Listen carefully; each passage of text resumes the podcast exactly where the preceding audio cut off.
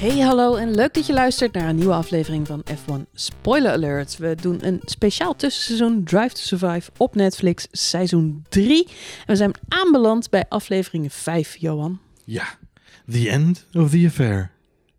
Wat een mooie titel, hè? Ja, was het een affair? Nou, het grappige is, ehm, het, het, het is mooi, het mooi dat jij het bruggetje voor mij maakt. Maar ik realiseerde me net, ik maakte, eh, ik startte de opname en ik, eh, in mijn opnamepakket geef ik de titel vast mee altijd in de, in de bestandsnaam die ik opgeef. En toen realiseerde ik me toen ik de, de titel optikte, eh, wat ik wilde gaan zeggen in deze podcast, is dat, de- in deze aflevering, is dat deze aflevering eigenlijk twee gezichten had. Het ging heel erg over de relatie, de affair tussen Daniel Ricciardo en Cyril Abiteboul. Maar het ging natuurlijk ook over Breakduct, de affair rondom Racing Point en de Pink Mercedes. En die werd in deze aflevering natuurlijk ook beëindigd. Dus het was the end of the affair, maar het waren er eigenlijk twee die ze wilden tackelen in deze aflevering, had ik het idee. Nee, je hebt gelijk. Ja. waren twee affaires. Twee affairs in één aflevering. Ik, ik dacht dat jij bedoelde, eh, of dat dat bedoeld werd, namelijk eh, de affaire van, van Daniel Ricciardo met Renault. Ja. Die die inruilt voor McLaren. Ja, omdat Maar natuurlijk, jij- ook, ja, omdat natuurlijk ook Christian Horner dat zegt. Hè? Dus die zegt ook, het, de, de Christian Horner wordt natuurlijk in, de, in beeld gebracht en die zegt het voelt een beetje alsof je relatie voorbij is, maar eh, je ex gaat het huis nog niet uit. Ja, precies. Eh, dus dat, dat hint een beetje naar de titel van de, van, van de show. Alleen ik realiseerde me toen ik, toen ik de, de, de, aflevering aanmaakte op de, op de computer om te mixen, dat het inderdaad ook, Breakduct was ook een affair. En eh, dat wordt natuurlijk in deze aflevering ook hardhandig mee afgehandeld. Door, ja, eh, ze hebben, ze hebben een leuke compilatie van verhaallijntjes. Eh, ja, deze aflevering gaat, wat je al zegt, gaat inderdaad de situatie Ricciardo bij Renault. Het ligt ons allemaal nog vers in het geheugen. Ik weet ook nog dat wij begonnen met onze voorbeschouwing. Onze tweede voorbeschouwing, moet ik zeggen, op het seizoen. Want we hebben natuurlijk... Ja, eh, ja, de eerste seizoenstart was uiteindelijk geen echte seizoenstart. was Dus een we- vals start. met een valstart. Dus we zijn pas in juli eh, begonnen. Maar ja, voor juli, dat zagen we vorige aflevering rondom Ferrari natuurlijk ook al. Voor de eerste race gereden werd in Oostenrijk, was er al... Was al silly season? Ja, er was al van alles gebeurd. En wat ik op dat moment al vreemd vond, of ja, dat zie je in deze aflevering ook, dat is dat Ricciardo koud nog geen jaar, nou net een jaar, bij eh, Renault onder de pannen was voor Ja. 56 miljoen dollar. Hij had net zijn eerste 25 miljoen dollar verdiend en dacht, eh, ja, nu is genoeg geweest. En nog voordat hij, eh, ja, inderdaad, überhaupt een race had gereden, was hij weg. Nou, weten we dat dat natuurlijk allemaal in, in gang is gezet door die, ja, de hele constructie. Eerst eh, moest Vettel natuurlijk weg. Ja. Vervolgens werd Sainz, eh, dat was eh, eh, eigenlijk al bekokstoofd voordat Vettel natuurlijk de laan uit werd Ja, gestuurd. Er, lig- stuurt, er werden- liggen warme banden tussen de familie Sainz en, en, en de, het Ferrari-team. Dus dat was al maanden in, in de in, de, in making. de works. Ja. En vanuit de podcast die ik met Zack Brown heb geluisterd, Mhm. komt dit verhaal. En die vertelde ook dat, ehm, dat ook het contact met Ricciardo eigenlijk al die tijd al warm is gehouden. En dat dat ook al sprake van was dat dat op een eerder moment zou gebeuren. Nou, toen heeft eh, McLaren natuurlijk eerst voor het jonge team gekozen met Nou, en volgens, mij, volgens mij was hij, eh, toen hij bij Red Bull wegging, was hij natuurlijk in beeld bij Ja. eh, McLaren. Alleen heeft hij toen gekozen voor de grote zak met geld. En ik weet niet eens of McLaren gekozen heeft voor het jonge team. Ik denk eerder dat Daniel Ricciardo gekozen heeft voor die zak met, met Franse florijnen. Ja. Ja, en dat is ja, hoe sympathiek ik Ricciardo ook vind. Je, je, het wordt wel heel duidelijk eh, ja, hoe hij natuurlijk zijn carrière uitstippelt. Nou, jij zei tijdens de aflevering, zei je inderdaad, eh, eh, hij, hij was natuurlijk weer druk bezig met zijn thinking vanuit zichzelf. Toen zei hij, "D- dit toont wel het echte, het, pure ego, de ego-trip van, van Daniel Ricciardo. Hij denkt vanuit zichzelf. hij is gewoon, hij is, ja, hij is egoïstisch. Ja. Maar ja, dat, dat zou je natuurlijk kunnen zeggen voor heel veel mensen in de Formule 1. Ja. En misschien ook voor heel veel sporters. Ik denk dat elke sporter egoïstisch is. Dus het is niet Ja. per se In gradaties, een- ja. Nee. Een negatief iets. Ehm, maar hij is egoïstisch. En, en dat kun je terugrekenen tot aan eh, Red Bull. Want heel veel mensen zeggen, ja, waarom is hij daar nou weggegaan? Waarom is hij daar nou weggegaan?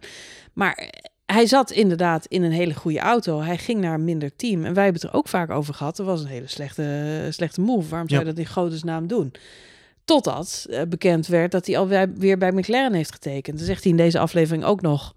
eh, luister, ik ben 31. Ik moet ook op mijn leeftijd eh, Ja, gaan je letten. mag Maar niet meer te veel gekke moves maken. Nee, maar 31 is natuurlijk eh, piepjong nog, om nog om nog dingen te kunnen doen. En wel Volgens Kimi Räikkönen wel, ja. ja, wel, precies. Volgens de, de moderne standaard van de Formule 1 coureurs. Ik bedoel, zelfs Alonso doet er mee. We hebben twee veertigers rondrijden het komend Ja, jaar. dat is waar. Ehm, nee, dus hij kan nog even vooruit. En uiteindelijk, hij gaat weg bij Red Bull.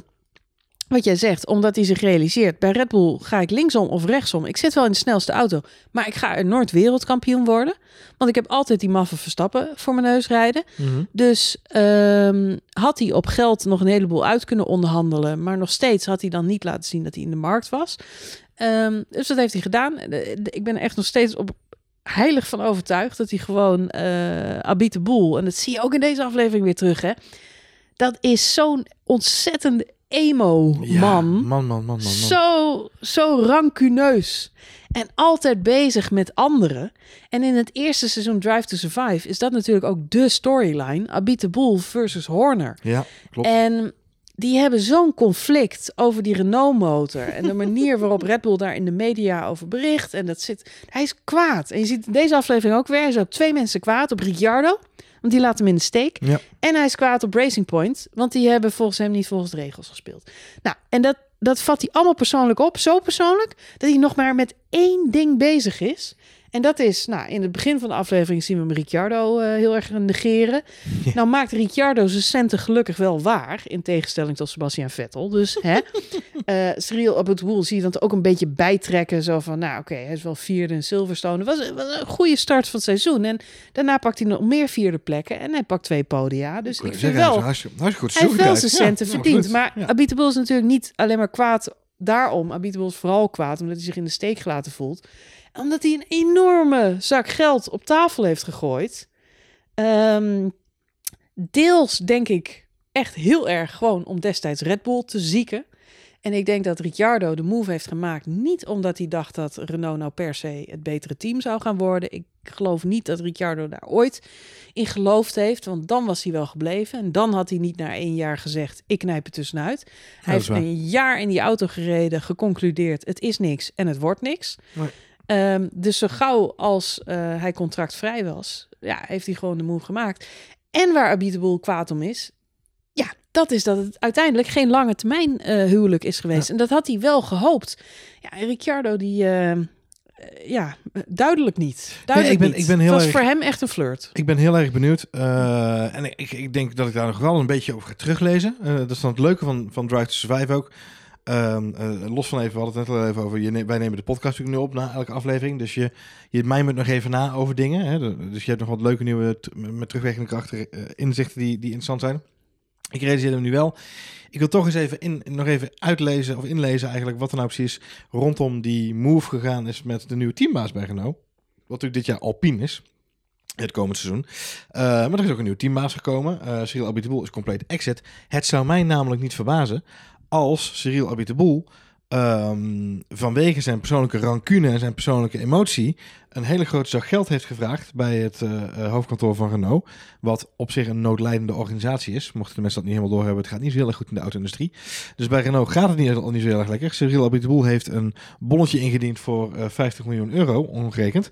Want hij heeft een coureur gebonden aan hem en ze gaan op lange termijn gaan ze daar winsten uithalen. Want samen met hem gaan ze het Formule 1 team weer groots maken. En die coureur die trekt na een jaar zijn keutel in. En volgens mij is dat ook best wel een behoorlijke nekslag geweest voor de carrière van Abiteboul binnen het Formule 1 team. Ik denk dat het best wel, ik denk dat hij om precies wat jij zegt vanwege die persoonlijke rancune zijn nek heeft uitgestoken om Ricciardo binnen te halen. Deels. Hij zal er hard voor gevochten hebben, al is het maar om een lange neus te maken eh, eh, naar eh, Horner en, en de zijne. En om maar gewoon een beetje popioop te kunnen doen in, in de paddock. Het zou me echt geen steek verbazen als dat zo zou zijn. Maar dan is het vervolgens ook, en dat is natuurlijk in alle facetten van het leven zo, dat als je je nek ergens voor uitsteekt en het faalt, ja, dan moet je op de, op de blaren zitten af en toe. Ehm, en ik, denk, ik ben bang dat de hele move nu van Alpine, niet zozeer de naamsverandering, maar wel dus de verandering van management, daar misschien wel een gevolg van is. Ja, het toont in elk geval heel erg aan dat. ehm, eh, kijk, je kunt je afvragen. eh Ricciardo is eh, egoïstisch. Dat, Mhm. Daar komt hij ook ruiterlijk voor uit, eigenlijk. Dat, is, hè, dat laat hij ook merken. Hij zegt: Ik moet aan mijn leeftijd denken. En bij McLaren heb ik gewoon meer kans om er iets van te gaan maken. Eh, het is gewoon een snellere auto op dit moment. Dus ik zag mijn kans schoon. En zijn centjes heeft hij natuurlijk in de tussentijd wel verdiend. Ja, zijn boerderijtje kan nog even doorwerken. inderdaad. Ja, je moet hem ook nageven dat hij blijkbaar zijn netwerk zo goed op orde heeft dat hij, eh, dat hij zo over kon stappen. We, Vettel hebben we het over gehad. Ja, die, die, die zat natuurlijk echt eh, tot, tot ver in de herfst eh, in de rat. Ja, je moest nog even leuren met zichzelf. Ja, of hij überhaupt eh, nog ergens terecht kon. Dus ja, eh, het, aan de andere kant denk ik wel, als, ja, als teambaas, je weet ook wat je aan Ricciardo hebt nu. Ja en nee, ja, dat is heel moeilijk in te schatten. Eh, eh, want ik, ik, snap, Want ik snap je punt. Ik vind, maar... Nou, maar ik vind hem echt, hij is echt, nou, noem hem een bounty hunter eigenlijk. Het is, ja, ik wil niet, ik weet niet of de Hij is parallel een met de, hired gun. Ja, ja, ah, ja. oké. loyaliteit is misschien niet zijn strong suit. Dat is, maar de vraag is of dat überhaupt wat waard is in de Formule 1. We Hm. horen Max heel vaak zeggen: Ik heb van Red Bull de commitment gehad. Ik ben ook loyaal aan het team. Ja. Maar how far does that bring you? Weet je, hoe ver kom je daarmee als je, als je daaraan vasthoudt? Ik denk trouwens dat, net zoals heel veel dingen die we in deze serie zien, dat dat, dat soort uitspraken ook heel groot deel natuurlijk politiek zijn. Mhm. En de gewenste uitspraak. En ik denk dat als eh, Max weer dit Ja. seizoen geen wereldkampioen wordt, Loyaliteit is een, is een elastiekje. Op een gegeven moment is de, is de rechter uit, Marjolein. Zo simpel is het. En vroeg of laat komt die deal met Mercedes alsnog eh, om de Ja, hoek. eh, nou en zo ja, gauw of- die hem kan een- scoren, dan, team, eh, dan pakt hij hem. Ja, precies. Ja. Die banden zijn warm, dus de kans dat dat ooit gaat gebeuren, die is, is zeker reëel. Maar ja, aan de andere kant, ja, nou, we hadden het over Ricciardo. Ja, hired gun inderdaad. Het is, kijk, je moet wel zeggen, hij heeft een fantastisch seizoen gedraaid. Jawel. nee, maar- hij heeft wel waar voor zijn geld gehad. Alleen waar hij een fuck-up heeft gemaakt, dat is dat hij deze gast heeft aangetrokken voor 50 miljoen. Blijkbaar met het idee dat hij daarmee ook een lange termijn investering deed. Terwijl ik denk, ja, dan had je andere afspraken moeten maken. Dan had je die 50 miljoen moeten uitsmeren over, drie of vier ja, jaar. Precies, ja. En niet in twee jaar helemaal opsoeperen. Want wat had hij gedaan na deze periode? Had hij nog eens bijgetekend voor, voor 50 miljoen voor twee jaar? Had het dan nog een keer gebeurd? Ja. 100 miljoen. Nou ja, misschien dat Voor, voor, hij- laten we niet vergeten dat Daniel Ricciardo een van de, de, de top drie best betaalde coureurs op de grid is. Hè? Ja, nee, dat zie je weer spontaan Was. geworden. Ja, spontaan geworden inderdaad. Hij zal het hebben moeten inboeten misschien met McLaren. Nou ja, even, kijk, even het terugpakken op het loyaliteitsvraagteken. Ik vind dat heel eh, eh, moeilijk om het nu voor Ricciardo al zo te stellen. En dat heeft alles te maken met het feit dat hij natuurlijk uit het Red Bull juniorenprogramma komt. Hij heeft al die jaren bij Red Bull gereden. Hij is altijd loyaal geweest aan Red Bull. Eh, en dit was zijn tweede werkgever. En het kan natuurlijk altijd zijn als jij tweede werkgever, dat je tweede baan, dat je denkt, ook had hij rijk niet moeten zijn. Ja, sterker nog, dat hoor je heel vaak. Anekdotes zijn legio, inderdaad. Je, de tweede is altijd Kijk. nooit zo goed. Kijk even om me heen. De anekdotes zijn legio dat je bij een werknemer binnenkomt en ik zit hier niet op de goede plek. Ik moet wegwezen hier. Ehm, dus ik denk dat het voor Ricciardo misschien ook wel zo zou kunnen gelden. En dus ik, ik vind het loyaliteitsvraagstuk heel erg lastig. Eh, zeker omdat je ziet dat hij de afgelopen seizoen toch gewoon zijn, zijn stinkende best heeft gedaan. In, Ah, maar dat zeg ik ook, hè? die Want Twingo. Ja. hij is dus wel, het maakt niet. Kijk, hij kondigt aan dat hij weggaat, maar dat betekent niet dat hij bij de pakken neer gaat zitten, dat hij niks gaat doen. Sterker nog, Nee. ik denk dat hij dit seizoen alles eruit heeft gehaald wat erin zat. En joh, hij is ook nog eens, weet je wat ik van Ricciardo ook vind? Ik, vind- sowieso vind ik hem altijd veel ouder overkomen dan zijn leeftijd. Mhm, Want hij mhm. is veel wijzer. Maar hij heeft een bonk zelfvertrouwen. Dat wil je niet weten. Ik vind dat hij meer zelfvertrouwen uitstraalt dan, dan zijn team. Ja. Weet je, ook hoe die daar binnenkomt bij Renault. Dus gewoon, er komt gewoon een superstar binnen. En de aflevering met Ferrari die we net gezien hebben, ja, dat is wel even anders. Ik denk dat Vettel ook ooit als een superstar daar binnen is gekomen. En ik denk in zekere zin dat Charles Leclerc daar ook de superheld is. Maar bij Renault kwam wel echt even eh, Tom Cruise binnenlopen, zeg maar. Het was En wel het echt... grappige is zijn, zijn, zijn manier van doen. En ik weet ook niet of dat, of dat aangeleerd is of gewoon zijn karakter. Maar zijn manier van doen is niet zozeer superstar in de zin van bonk van zelfvertrouwen. Maar het is meer de, de ontspannenheid die binnenkomt. Die ervoor zorgt dat het zo overkomt. Ik weet niet of Ja, het maar het zit, zelfvertrouwen het is. zit er niet alleen. Het, wat, ik, wat ik bedoel met hoe hij binnenkomt, dus natuurlijk hè, hoe hij uitstraalt, dat is wat, hoe die eruit ziet. Nee, maar het zit hem in, ook in de kleine momenten. eh, het racefragment wat we zien op Silverstone, waar hij die eh, close call heeft met, eh, met de Racing Points, Mhm. zegt hij ook: ik had, ik had kunnen insturen, maar dan waren we allebei gecrashed. Oh ja, en. Ja, ja. Het zijn de kleine, weet je, Daniel Ricciardo is ook een volwassen genoeg Ja. coureur. Eh, in tegenstelling tot nou ja, veel andere jongere coureurs of eh, zelfs een Vettel, die Ja. we natuurlijk nog regelmatig zien crashen, omdat ze niet, omdat ze een blind spot hebben voor wat is op dit moment het beste voor mij en Temper- voor het team. temperament verblindt soms. Ja, en Ricciardo realiseert zich op dat moment, maakt het wat uit om welke, eh, weet je wel, ik verlies een plek voor de, dat is lullig. Maar aan de andere kant, als ik hem laat staan, en dan pak ik een punt extra, maar dan is de auto naar de galamiezen. Pakken we allebei niks, is slecht voor de sport, kost het teamklauwen voor mijn geld, is slecht voor mij, is, is iedereen zagrijnig. Ja. Dus Nou ja, is een goed punt. en hij, in die, in die split second realiseert hij zich dat het niet de moeite waard is om dat op dat moment te doen. En dat, ook dat maakt hem een hele volwassen eh, coureur, vind ik, met, met veel zelfvertrouwen. Nog even los van zijn prestaties, die gewoon knettergoed waren dit seizoen. Ja. Dus je weet, nou, je weet wat je koopt bij Ja, Daniel Ricciardo. true. Dat is eigenlijk slotsom. Eh marketingmachine, super positief gast. Eh, dijk van een coureur. Zack Brown zegt in die podcast van Formule 1, zegt hij van, nou, ik wilde altijd al Daniel Ricciardo hebben als coureur. Ja. Want Ricciardo is een bijtertje. Hij bijt zich vast. Hij, je weet, als Ricciardo achter je zit, moet je uitkijken. Het is niet... En dat, dat heb je niet bij elke coureur. En daar Nee, heeft hij gelijk in. Hij is, het is een bepaald type coureur, wat je er heel goed bij moet hebben. Vandaar dat we vorige, vorige aflevering over hadden, ze hem niet bij Ferrari, toch misschien Ricciardo erbij moeten zetten om net iets meer die grit. Hè? In voetbal hebben we ook eh, vaak maken we de parallel, maar Ja. ook in een voetbalteam moet je een paar eh rouwdouwers hebben. Kuitenbetertjes. Ja. Ja, om, eh, ja, nou, en Ricciardo heeft dat wel. Dus ik denk dat, eh, dat hij goed zit daar bij McLaren. Aan de andere kant, ja, hij gaat wel voor de centen. Hij gaat ook, ja, wie weet gaat hij nog voor de titel ooit een keer. Wat denk jij? We, we hebben hem al een paar keer afgeschreven, maar Ja, afgeschreven. aan de andere kant denk ik, ja, Ik denk, ik denk nog steeds dat Daniel Ricciardo een van de, ik heb het vaak gezegd, een van de vijf, vier topcoureurs is die. ik denk dat hij zijn. net onder de top drie beste coureurs zit. Ik denk, dat- ik De- denk de dat bij- vierde. als je de, de, de vier of vijf inderdaad van de top vier of vijf van buitengewone coureurs, daar hoort hij bij. Ja. Dus zet hem in de juiste auto en dan kan hij voor een kampioenschap strijden. Dus dat ik denk, ja, weet je, dat is een kwestie van, eh, van geluk hebben dat hij nu in de juiste stoel terechtkomt. Bij McLaren, korte termijn wordt het lastig. Maar weet je, wie weet hoe Ik denk dat. McLaren dit jaar een race gaat winnen. Dat zou ik te gek vinden. En we hebben, en we afgelopen jaar gezien dat dat, dat kan. Dat, eh, weet je, de, de omstandigheden zijn maf genoeg om het te, te realiseren. Dus waarom niet?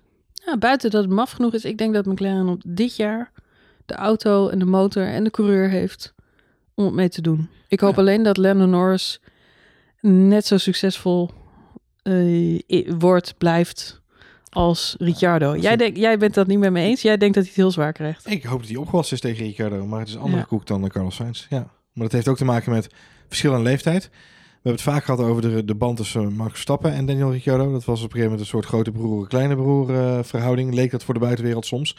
Waarbij eh, Ricciardo absoluut eh, een beetje de, de grote broer was die, die zijn kleine broertje mee op, op stap nam, gevoelsmatig.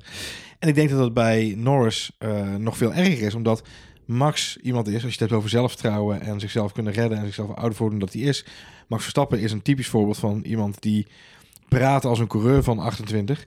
Die ook loopt als een coureur van 28. Die ook rijdt als een coureur van 28. Maar hij is pas 22 of 23. Hmm. Eh, en Lando Norris is in een heleboel opzichten nog jong en onzeker. Super getalenteerd en een hartstikke toffe kerel. En ik denk dat de band hartstikke goed zal zijn. Alleen ik ben er heel erg bang voor dat, ehm, dat, dat hij het heel zwaar gaat krijgen met ja, vo- voornamelijk het eh alfa-gedrag van Ricciardo. Ja. Nou, bewijs maar weer eens dat je niet allemaal hetzelfde karakter hoeft te hebben om toch heel succesvol in één ding te zijn. Wat ik wel, wat ik wel grappig vind, we hebben het over volwassenheid en over eh, eh, eh, groeien in je rol en, en bepaalde statuur en uitstraling hebben naar de buitenwacht. Ehm, deze aflevering gaat over Daniel Ricciardo, daar hebben we het niet uitgebreid over gehad. Waar we het niet over hebben is Cyril Abiteboul en zijn kinderachtige gedrag, want hij praat het eerste kwartier van de aflevering niet met Daniel Ricciardo, want zo boos is hij op de wereld. Ja, typisch Abiteboel. Vervolgens staat hij eh, op de grid staat hij ruzie te maken met eh Safnauer eh, Mhm. over van alles en nog wat. Ehm, en wat, weet je wat ik nou zo grappig vind? Of nou, eigenlijk niet grappig, het is eigenlijk een beetje pijnlijk van binnen, ook onderaan de streep, een beetje cringing, om het zo maar even te zeggen. Dan gaat het over Breakduct, over de Pink Mercedes. En alle teambazen steken de draak met Abiteboul. Alle teambazen. Toto Wolff die zegt gewoon, dit was een comedy. En Safnauer zegt gewoon, joh, eh, iedereen die nu klaagt over het feit dat het, niet, eh, dat het allemaal vals spelen is, die heeft hun werk niet goed gedaan. Dus niemand is bang om gewoon die steek uit te delen aan Renault. En dat is er ook een positie die je als teambaas liever niet hebt, volgens mij. Ik vond het heel frappant om te zien dat echt iedereen zoiets had van, oh, het is... Toto Wolff zei, it's a bit of a comedy. Het is een beetje een comedy show, deze hele affaire. Oh, ik vind het interessant dat jij zegt dat dat uh, uiteindelijk zich allemaal neerdraaide op, uh, op Renault. Uh, omdat er natuurlijk wel degelijk ook andere teams uh, betrokken Jawel, waren. maar zij zijn de aanstichter. En het verhaal is een beetje... De, mm -hmm, er was natuurlijk... Uh, en dat maakte deze... deze het leuke van deze recap is... Ze hebben natuurlijk goed gedaan de eerste aflevering het, het uit te leggen. Maar doordat ze nu even terugpakten... En, en Will Buxton overigens heel goed uitlegde wat het verhaal was. Het gaat mm -hmm. natuurlijk om die, om die rem-intakes. die ja. brake ducts. Um, niet ja, met ze, hebben, ze, hebben, ze hebben vorig jaar informatie gekocht van Mercedes. Niet met het blote oog te over zien. hoe dat gebouwd moet worden. Dat hebben ze gebouwd. Het zit op de auto van dit jaar. Ja. Maar dit jaar mocht je die informatie niet meer kopen. Niet meer kopen precies. Dus het was oude informatie, maar het werd op deze auto gebruikt. En, En wat dus- nog steeds vreemd blijft, is dat ze wel dat het mocht. Dat het technisch bezien, wat ze dus gedaan hebben, mag. Maar dat ze daar wel een boete voor hebben gehad. Nou, en dat, en dat maakt dit hele situatie, dat, dat maakt er een comedy van. Omdat ze dus vanuit VIA wisten van, oké, we, kunnen, we kunnen niet... We kunnen ze niet de punten afpakken en we kunnen ze niet vragen om nieuwe breakdux te ontwikkelen. Want ze hebben feitelijk binnen de, eh, binnen de, de rijkwijde van het technisch reglement gewerkt. Het was ook een sportieve boete die ze gekregen hebben. Hè? Dus niet een, niet een technische boete. Ze hebben geen, geen, geen boete gekregen omdat ze technisch iets verkeerd hadden gedaan. Ze hebben een boete gekregen omdat het niet sportief was. Dat is een beetje alsof je een, in plaats van een gele kaart krijg je dan een tik op de vingers, weet je wel. Dus Mhm. ja, dat is een beetje wat er nu gebeurd is eh, onderaan de streep. Uh, maar wat ik grappig vond, is dat ze dat heel goed uitlegde. Alleen um, uh, de zin die Will Buxton voor dit hele verhaal uitsprak is... Je kunt twee dingen doen. Je kunt zeggen, uh, we spelen vals, we spelen het uit in de media... we laten vooral weten dat we er ontevreden over zijn. Of je maakt een officieel protest. En Renault heeft voor het laatste gekozen. En ze hebben gekozen om iets uit te zoomen... wat ze kunnen beetpakken, wat ze kunnen aantonen aan de FIA. Dus bij Renault zijn ze daadwerkelijk zo ver gegaan om dat protest aan te gaan. En toen het protest is uh, uh, aangegaan, toen hebben, ze, toen, hebben ze gezegd bij McLaren en Williams: oké, maar dan doen we mee. Maar dat was al na de, de, de, toen de eerste proces al liep. Zij waren niet degene die gelijk zeiden: oh, we doen nu gelijk mee. Zij, zij waren niet overtuigd genoeg van de situatie om er gelijk een protest van aan te tekenen. Pas toen het protest was ingediend en er een, een claim lag, hebben ze gezegd: oké, okay, co-sign, we doen mee, we doen mee. Met andere woorden, Renault is natuurlijk wel uiteindelijk degene geweest die het hardst zijn uh, uh, voeten in, tegen de grond gestampt heeft. Of ja, op de rem getrapt heeft, om zo maar even te zeggen. In, in ah, we zien het, het resume in deze aflevering eigenlijk mooi samengevat. Uiteindelijk hebben ze... Geen van de teams heeft een, team, een, een case kunnen bouwen uh, tegen Racing Point. Je kunt zeggen, het is asportief, de auto van een ander kopiëren. Uh, zowel in uh, looks, aerodynamica als een onderdeel, zoals in dit geval de brake ducts. Het is onsportief. Maar wat ook wordt gezegd, ja, formeel is het dus niet tegen de regels. En waar de teams vooral pissed off over zijn, dat is dat ze het zelf niet bedacht hebben of nooit geprobeerd hebben. Ja. En dat zien we ook eigenlijk terug in de persoon van Abit de Boel. Uh, dat hij het heel, hij trekt het zich heel persoonlijk aan. Ja. En de situatie met Ricciardo is voor hem een klap in het gezicht. En dit is voor hem ook. En het mooiste vind ik nog de scène met Alain Prost. Dat ze daar in het zonnetje uh, s ochtends lekker hun uh, Franse ontbijtje zitten te doen voordat ze naar het circuit gaan. Of, uh, of dat kan ook op het circuit zijn, want ze zaten natuurlijk allemaal in die compound daar. Maar heerlijk hoe die Franse mannetjes lekker met elkaar zitten te keuvelen. Um, maar Alain Prost, die zie je ook hoofdschuddend zo kijken. Zo van, ja, dit doe je gewoon niet. Dit doe je gewoon niet. Nee. En ik snap het wel, want het is natuurlijk... Uh, het is een ongeschreven regel in de Formule 1. Het is asportief gedrag. Ja. En er zijn gewoon... Het is hetzelfde dat... Nou, ik ben zelf persoonlijk geen wielren-fan. uh, maar als het zomervakantie is en uh, je bent in Frankrijk en Tour de France is op... dan vind ik het wel leuk om, om smiddags even de, de laatste fase van de etappe te kijken. En uh, mijn broertje, die is er dan heel fanatiek uh, altijd in. En die, um, uh, dan zit ik mee te kijken. En dan is die laatste etappe, dat is die rit naar, de, naar, naar Parijs, Ja, naar de Champs-Élysées. Ja, ja. Nou, en hij heeft de nummer 1, dus de gele trui. Dit is heel leuk. Ik ga over wielrennen praten. Ja. Ik echt op afstand. Nee. Er is er eentje, die heeft een geel truitje aan. Nee. En er rijdt er eentje met een rode lantaarn Ja, achter. er rijdt er eentje. Nou, en ik, weet, ik zal nooit vergeten, het was een paar jaar geleden dat ik dit voor het eerst zag. Maar dan fietsen ze dus en dan gaat er eentje in een gele truitje. En die heeft bij wijze van spreken in het klassement maar een paar minuten voorsprong op de rest. Mhm. En eh, dan zitten ze allemaal op de fiets. Dan gaan ze champagne drinken. Ik had dit nog nooit gezien. En ik vond, nou, in- inmiddels weet ik het. Maar ik heb echt, ik, ik zat echt met open mond te kijken. Ik denk, wat de fuck is dit nou weer? En, vervo- en vervolgens, dan is er dus nog een eindsprint op die Champs-Élysées. Maar dat stuk daarvoor, daar kabbelen ze dus een beetje. Ze doen het super relaxed. En toen zei ik tegen mijn broertje, ik zeg, wat is dit dan? Maar hij heeft, hij heeft toch maar een paar minuten voorsprong. Dus ze hebben net drie weken gefietst. maar als hij nu toch gewoon even, even pedal to the metal. Als hij nu gewoon Ja. die eindsprint maakt. Gewoon lekker vanaf de start van de etappe het op een cruise zet. Iemand anders. Ja, ja. Dan kan iemand anders de Tour de France nog winnen. Ja. Maar toen zei mijn broertje tegen mij de legendarische woorden... ja, dat doe je dus niet. en het toen is- dacht ik, ja. Het is, het Maar- is, zover ik weet, het langste ererondje in de sport ooit. Ja. Nou ja, en ik vind dat fabuleus en fabelachtig. Ja. En het hoort bij de sport. Zelfs als dat je bij Wimbledon... mag je geloof ik niks zeggen op de tribune. Moet je heel stil zijn. Ja. En je mag alleen maar wit dragen als tennisser. Ja. Is dat zo? Nou, Marjolein. Op Wimbledon mag je alleen maar wit. Maar Ja, ze hebben toch ook allemaal van die andere pakjes aan? Nee, je moet allemaal Op Wimbledon moet het wit het zijn. wit. Eh, volledig in het wit. Zelfs de schoenen moeten wit zijn. Maar ook op andere toernooien of alleen op nee, Wimbledon? Wimbledon. Wimbledon is regels. Echt? Zullen we een andere podcast beginnen over de, de, de, de ik ben ongeschreven echt hardcore van... eh, sportfan, maar je hoort wel, er zijn een aantal sporten, daar heb ik de ballen verstand van. Waaronder tennis. Ehm, maar we goed, spelen maar dit... één balletje en dat... Goed. Nou ja, goed, nee, maar ik, ik, wat ik probeer aan te tonen is, er zijn in elke sport zijn een soort gentleman's agreements. Moet, misschien moeten we die term ook eens een keer herzien, want het is behoorlijk outdated. Gentle X. Maar eh, er zijn gewoon afspraken. Er zijn dingen die doe je, die gebeuren altijd op een bepaalde manier. Ja. Daar hou je je aan, want anders is het asportief.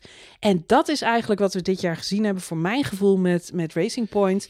Dat deden zij niet. Nee. En eigenlijk was iedereen daar behoorlijk van over de vlos. Ja, en het probleem is gewoon... Kijk, wat je, dat is perfecte samenvatting. En, en het leuke daarvan is van een ongeschreven wet... is dat gaat goed zolang iedereen het oké vindt. Zolang iedereen zich senang erbij voelt, gaat het goed. En dan kan Red Bull de 3D-camera gebruiken om de foto van, eh, foto's te maken van de auto van Mercedes. En dan kunnen ze bij McLaren de hele reportage aan elkaar knippen en plakken van de voorvleugel van AlphaTauri. Dat maakt allemaal niet uit, want iedereen is, oh jongens, het gaat allemaal goed, het gaat allemaal goed. Ja, totdat er eentje met zijn voeten begint te trappelen op de grond en dan gaan ze allemaal. Dat is het nadeel van ongeschreven wetten.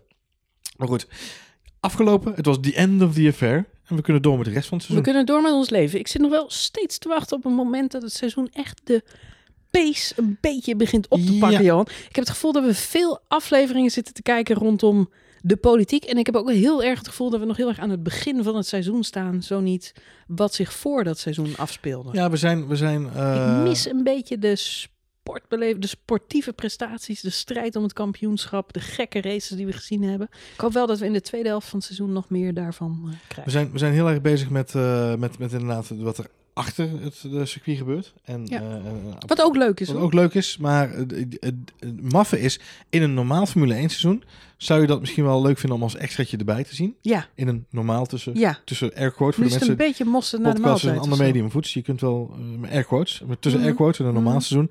Dit was natuurlijk een extra, extraordinair seizoen, air quotes.